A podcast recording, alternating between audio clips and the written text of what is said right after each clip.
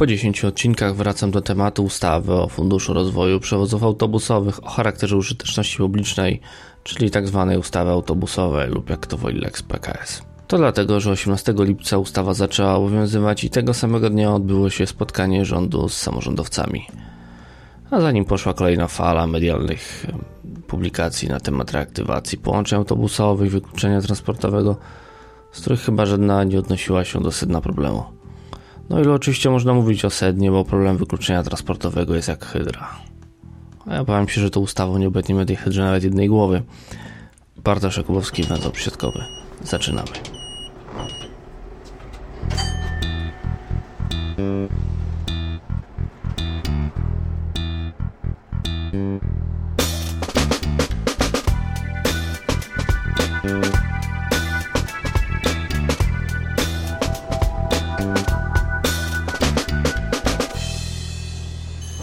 Jednym z kluczowych organów krajowej legislacji jest kolano.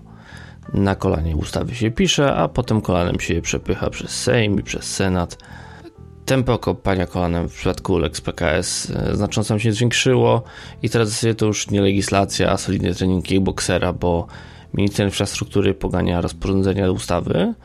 Dość powiedzieć, że czas na konsultację jednego z nich to 4 dni, z czego dwa to sobota i niedziela, a drugiego w ogóle nie będzie konsultował, no bo po co? Wojewodowie już w ubiegłym tygodniu poganiali starostów, a już niedługo będą ich poganiać e, wszystkich, nie tylko starostów, ale też i wójtów i marszałków, e, jeżeli chodzi o składanie wniosków o dofinansowanie.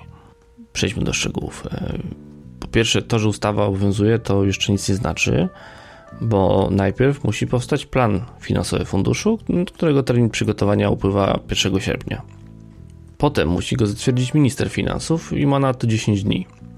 Dopiero w tym miejscu Bank Gospodarstwa Krajowego bierze do ręki rozporządzenie określające, jak dzielić pieniądze i za jego pomocą liczy, ile zostanie rozdysponowane na poszczególne województwa. E, to rozporządzenie jeszcze nie zostało przyjęte, nie będzie poddawane konsultacjom społecznym i dość mocno różni się od projektu, który był dołączony do projektu ustawy. E, różni się o tyle, że zdejmuje nacisk z kryterium redukcji sieci komunikacyjnej od 2011 roku na rzecz znanego bożka pod tytułem PKB tym sposobem najwięcej zyskują, w cudzysłowie oczywiście, bo to jest kwestia różnicy względem poprzedniej wersji rozporządzenia, województwa z Polski Wschodniej, a załóżmy, że tracą zachodniopomorskie, kujawsko-pomorskie i dolnośląskie. Umownie traci też województwo podlaskie, ale to tylko efekt zmniejszenia udziału błędnego kryterium, o którym mówiłem w odcinku 10. Tabelkę z wyliczonymi procentami znajdziecie przy opisie odcinka, więc nie będę już się zagłębiał w szczegóły. No, w momencie, kiedy już będziemy mieli podzielone środki, czyli jesteśmy gdzieś w przyszłości, w okolicach 1-2 sierpnia, wojewodowie opublikują kwoty i podadzą terminy na składanie wniosków. Jako, że w Polsce wszystko jest postawione na głowie, to do zamkniętym spotkaniu z samorządami, które odbyło się 18 lipca, to, o którym mówiłem, minister Adamczyk stwierdził, że będzie to 12 sierpnia, a do 20 sierpnia wojewodowie wnioski rozpatrzą, tak żeby od 23 sierpnia podpisać umowę o dofinansowanie. No i tu potrzebne jest to drugie rozporządzenie o kolejności przyznawania środków. I taka mała dygresja na temat tego, jak konsultuje się publicznie takie rozporządzenie. Do skonsultowania, tak z rozdzielnika, otrzymały je takie tuzy walki z wykluczeniem transportem jak Business Central Club, Konfederacja Lewiatan, Krajowa Izba Gospodarcza, Pracodawcy Rzeczypospolitej Polskiej czy Związek Rzemiosła Polskiego. Z tym wszystkim są jeszcze związki samorządów i związki zawodowe. I taki zestaw organizacji polski rząd prosił opinię w sprawie tego, w jakiej kolejności powinny być przyznawane pieniądze na walkę z wykluczeniem komunikacyjnym. Ani jednej instytucji naukowej, ani jednej organizacji społecznej. Żadnej organizacji reprezentującej sprawy wsi, seniorów czy osób z niepełnosprawnościami. Nikogo zajmującego się edukacją. Co to ważne jest zdanie instytucji zrzeszających Marka Gojszewskiego, Tomasza Misiaka i Henryka Bochniarz. Sami to sobie skomentujcie, drodzy słuchacze. Tymczasem wróćmy do meritum. Dyrektor Marcin Przechocki, który osobiście jest podpisany pod tym rozporządzeniem, wymyślił sposób przyznawania punktów na podstawie szeregowania wniosków od najlepszego do najgorszego, czyli kto zgłosi najwięcej jak najdłuższych linii, jak największej liczbie przystanków, dostaje najwięcej punktów. No, co nie jest może zbyt sensowne, ale przynajmniej gwarantuje brak odwołań. Za to sposób realizacji potrzeb osób z niepełnosprawnościami wojewoda będzie oceniał tak na oko, bo nie ma żadnych mierzalnych kryteriów. Dlatego pewnie z tego powodu minister Weber nie pytał ich o zdanie. Kryterium to będzie warte prawie 12% całości oceny, więc bardzo możliwe, że właśnie ten czynnik będzie takim języczkiem uwagi w tych województwach, gdzie wniosków wpłynie więcej niż się tego rządzący spodziewają. Choć szczerze wątpię, żeby gdziekolwiek tak było, bo większość samorządów nie jest na ten fundusz rozwoju połączeń autobusowych w ogóle nie jest przygotowana. Zacznijmy od tego, że samorządy nie mają zabezpieczonych pieniędzy w budżetach, to znaczy w rozdziale pod tytułem lokalny transport zbiorowy jest zero lub w ogóle tego działu nie ma. Więc zanim radni znowelizują budżet, to już dawno minie termin składania wniosków o dofinansowanie i na tej samej sesji radni powinni też udzielić zgody na zawarcie umowy z operatorem publicznego transportu zbiorowego, czyli tym przewoźnikiem, który będzie woził pasażerów za pieniądze z Lex PKS bo tego ta ustawa wymaga, ale nikt nie, nie powiedział dlaczego. I teraz. Ważna sprawa! Stop zabawa! Zapamiętaj to, króliczku! Otóż nie można sobie od tak zawrzeć umowy na świadczenie usług publicznych w publicznym transporcie zbiorowym i nie chodzi tu o konieczność organizacji przetargu czy postępowania koncesyjnego. Jeżeli nie organizujemy transportu publicznego poprzez samorządowy zakład budżetowy, czyli tak jak to robi powiat lipnowski, to jakiekolwiek zawarcie umowy trzeba poprzedzić ogłoszeniem o zamiarze przeprowadzenia postępowania o udzielenie zamówienia, tak to się nazywa. I takie ogłoszenie trzeba opublikować rok wcześniej albo pół roku, jeżeli chodzi o małe zamówienie do 50 tysięcy wozokilometrów. Oczywiście jest wyjątek i tym wyjątkiem jest osławiony artykuł 22 ustęp 1 punkt 4 ustawy o publicznym transporcie zbiorowym. I ten wyjątek można zastosować tylko kiedy wystąpi zakłócenie w świadczeniu usług w zakresie publicznego transportu zbiorowego lub bezpośrednie ryzyko powstania takiej sytuacji, zarówno z przyczyn zależnych, jak i niezależnych od operatora, i co najważniejsze, o ile nie można zachować terminów określonych dla innych trybów zawarcia umowy o świadczenie publicznego transportu zbiorowego. Z prawniczego na polskie. Ten tryb można zastosować tylko kiedy mamy już wybranego operatora, zdarzy się coś, co sprawia, że wystąpiło lub zaraz wystąpi zakłócenie w jego funkcjonowaniu i dzieje się to na tyle szybko, że nie można zachować terminu pozwalającego na organizację przetargu. W praktyce robi się tak wtedy, kiedy istniejący operator upada albo kończy się z nim umowa, a przetarg na wybór nowego się przyciąga. Ostatnim takim wzorcowym przypadkiem był upadek Warbusa, który z dnia na dzień przestał wozić pasażerów w Lublinie, Elblągu i Obornikach. Powiedzmy, że w polskich realiach jestem w stanie zrozumieć, że można tak zrobić też w sytuacji zawieszenia działalności przez przewoźnika, który nie był operatorem, czyli na przykład upadłość lokalnego PKS-u, który jeździł komercyjnie. Z taką sytuacją mieliśmy do czynienia rok temu w Płońsku i tam powiat niezwłocznie wykorzystał taką możliwość. No, to, że zorganizowano dramatycznie beznadziejną komunikację powiatową, którą już y, zdążono pociąć, to jest temat na inną audycję, no ale załóżmy, że tak można zrobić. Faktycznie wystąpiły zakłócenia. Nie można było zachować terminu na ogłoszenie z rocznym wyprzedzeniem, nawet półrocznym.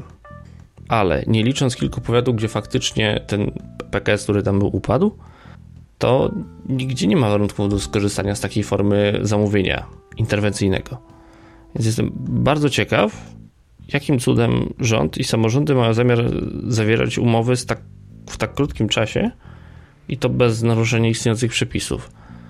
No, wyjątkiem jest, że akurat jakiś samorząd rok temu ogłosił zamiar udzielenia zamówienia zupełnym przypadkiem.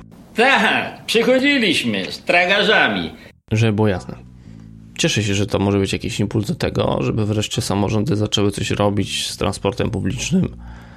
Ale efekty robienia tej ustawy na chybcika właśnie wyszły, bo nikt nie znowelizował przepisu pozwalającego na interwencyjne zawarcie umowy, czyli tego artykułu 22 Ustęp pierwszy, punkt czwarty. Przy okazji rządowego eventu dla samorządów wyszło na jaw, że rząd nie rozumie ustawy, którą sam napisał. Bo poza tym, że w ustawie PKS-owej zaszyto najbardziej niejasny bubel prawny w całej tej ustawie, ten jeden, o którym zaraz powiem, to jeszcze rządzący tego bubla nie potrafił przeczytać. Otóż w ustawie mamy zapisane, że Dopłacie podlegają linie komunikacyjne niefunkcjonujące co najmniej 3 miesiące przed dniem wejścia w życie ustawy oraz linie, na które umowa o świadczenie usług w zakresie publicznego transportu zbiorowego zostanie zawarta po dniu wejścia w życie ustawy. Z tego wynika, że mamy dwa rodzaje linii, na które można dostać dofinansowanie. Na te, które uruchomione zostały najwcześniej 18 kwietnia 2019 roku oraz te, na które umowa zostanie zawarta po wejściu w życie ustawy. Czyli na przykład dzisiaj. Trudniejsza sprawa jest tymi trzema miesiącami wstecz. Bo po pierwsze mamy w polskim systemie prawnym co najmniej dwie różne definicje linii komunikacyjnej. Tą z ustawy o publicznym transporcie zbiorowym i tą z ustawy o transporcie drogowym. Po drugie, z tego powodu nie bardzo wiadomo, co znaczy, że linia funkcjonowała. Bo, jak mówi litera prawa, wcale nie musi być to linia użyteczności publicznej.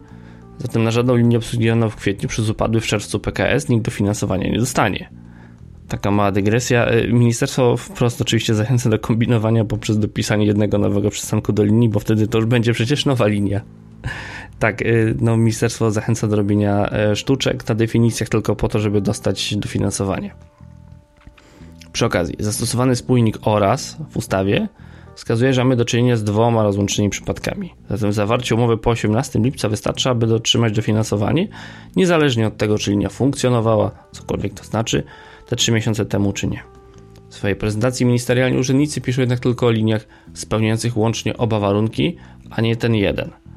Ten 3-miesięczny albo umowa po wejściu w życie ustawy. Czyli znaczy, że nie rozumieją ustawy, którą sami napisali. Oczywiście warunki przyznawania dofinansowania w okresie przejściowym, czyli do końca 2021 roku, będą generować problemy i są po prostu niesprawiedliwe. I to było już wiadomo wcześniej, kiedy już tą ustawę przyjmowano, tylko że wtedy najwyraźniej doradzał przy niej król Julian. Teraz prędko, zanim dojdzie do nas, że to bez sensu. Żeby było jasne. Cieszę się, że Fundusz Rozwoju Połączeń Autobusowych powstał, bo cokolwiek zawsze będzie lepsze niż nic. Jednak to nie zmienia faktu, że sposób przygotowania tego funduszu i to w jakim pośpiechu odbywa się jego wdrażanie, no nie jest do zaakceptowania. I, I to wynika z grzechu pierworodnego, możemy tak sobie to nazwać, tego projektu. Otóż zgodnie z oceną skutków regulacji w przyszłym roku w funduszu znajdzie się ponad miliard złotych. Nie jest to oczywiście jakaś zawrotna suma, bo jednorazowe świadczenie kiełbasiane, czyli jednorazowa 13 emerytura kosztowała więcej, a efekty społeczne wynosiły Niemniej jednak, podejmując decyzję o rocznych wydatkach, nie przeprowadzono żadnych badań nad wykluczeniem transportowym w Polsce. To znaczy, przeprowadzono wycinkowe w 2014 roku, w których miałem przyjemność brać czynny udział, yy, tylko że ówczesna superministra Bieńkowska odłożyła je na półkę.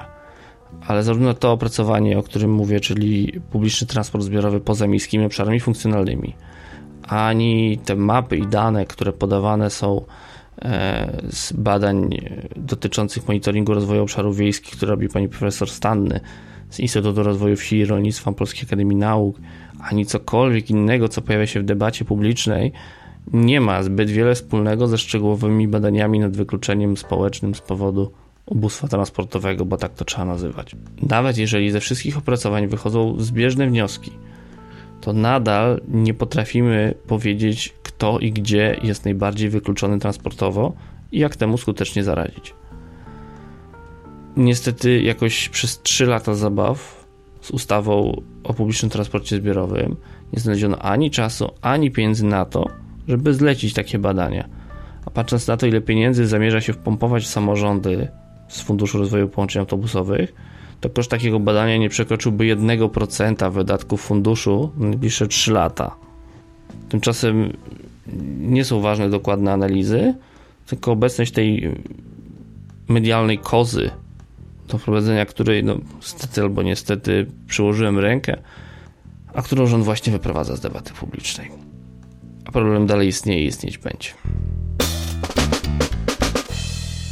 Już w najbliższy piątek, 26 lipca, odbędzie się premiera książki Karola Tramera Ostre cięcie, jak niszczono polską kolej.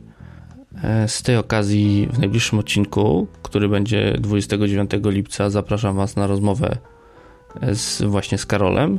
Porozmawiamy o tej książce, o wielu kwestiach związanych z likwidacją sieci kolejowej i połączeń kolejowych w Polsce.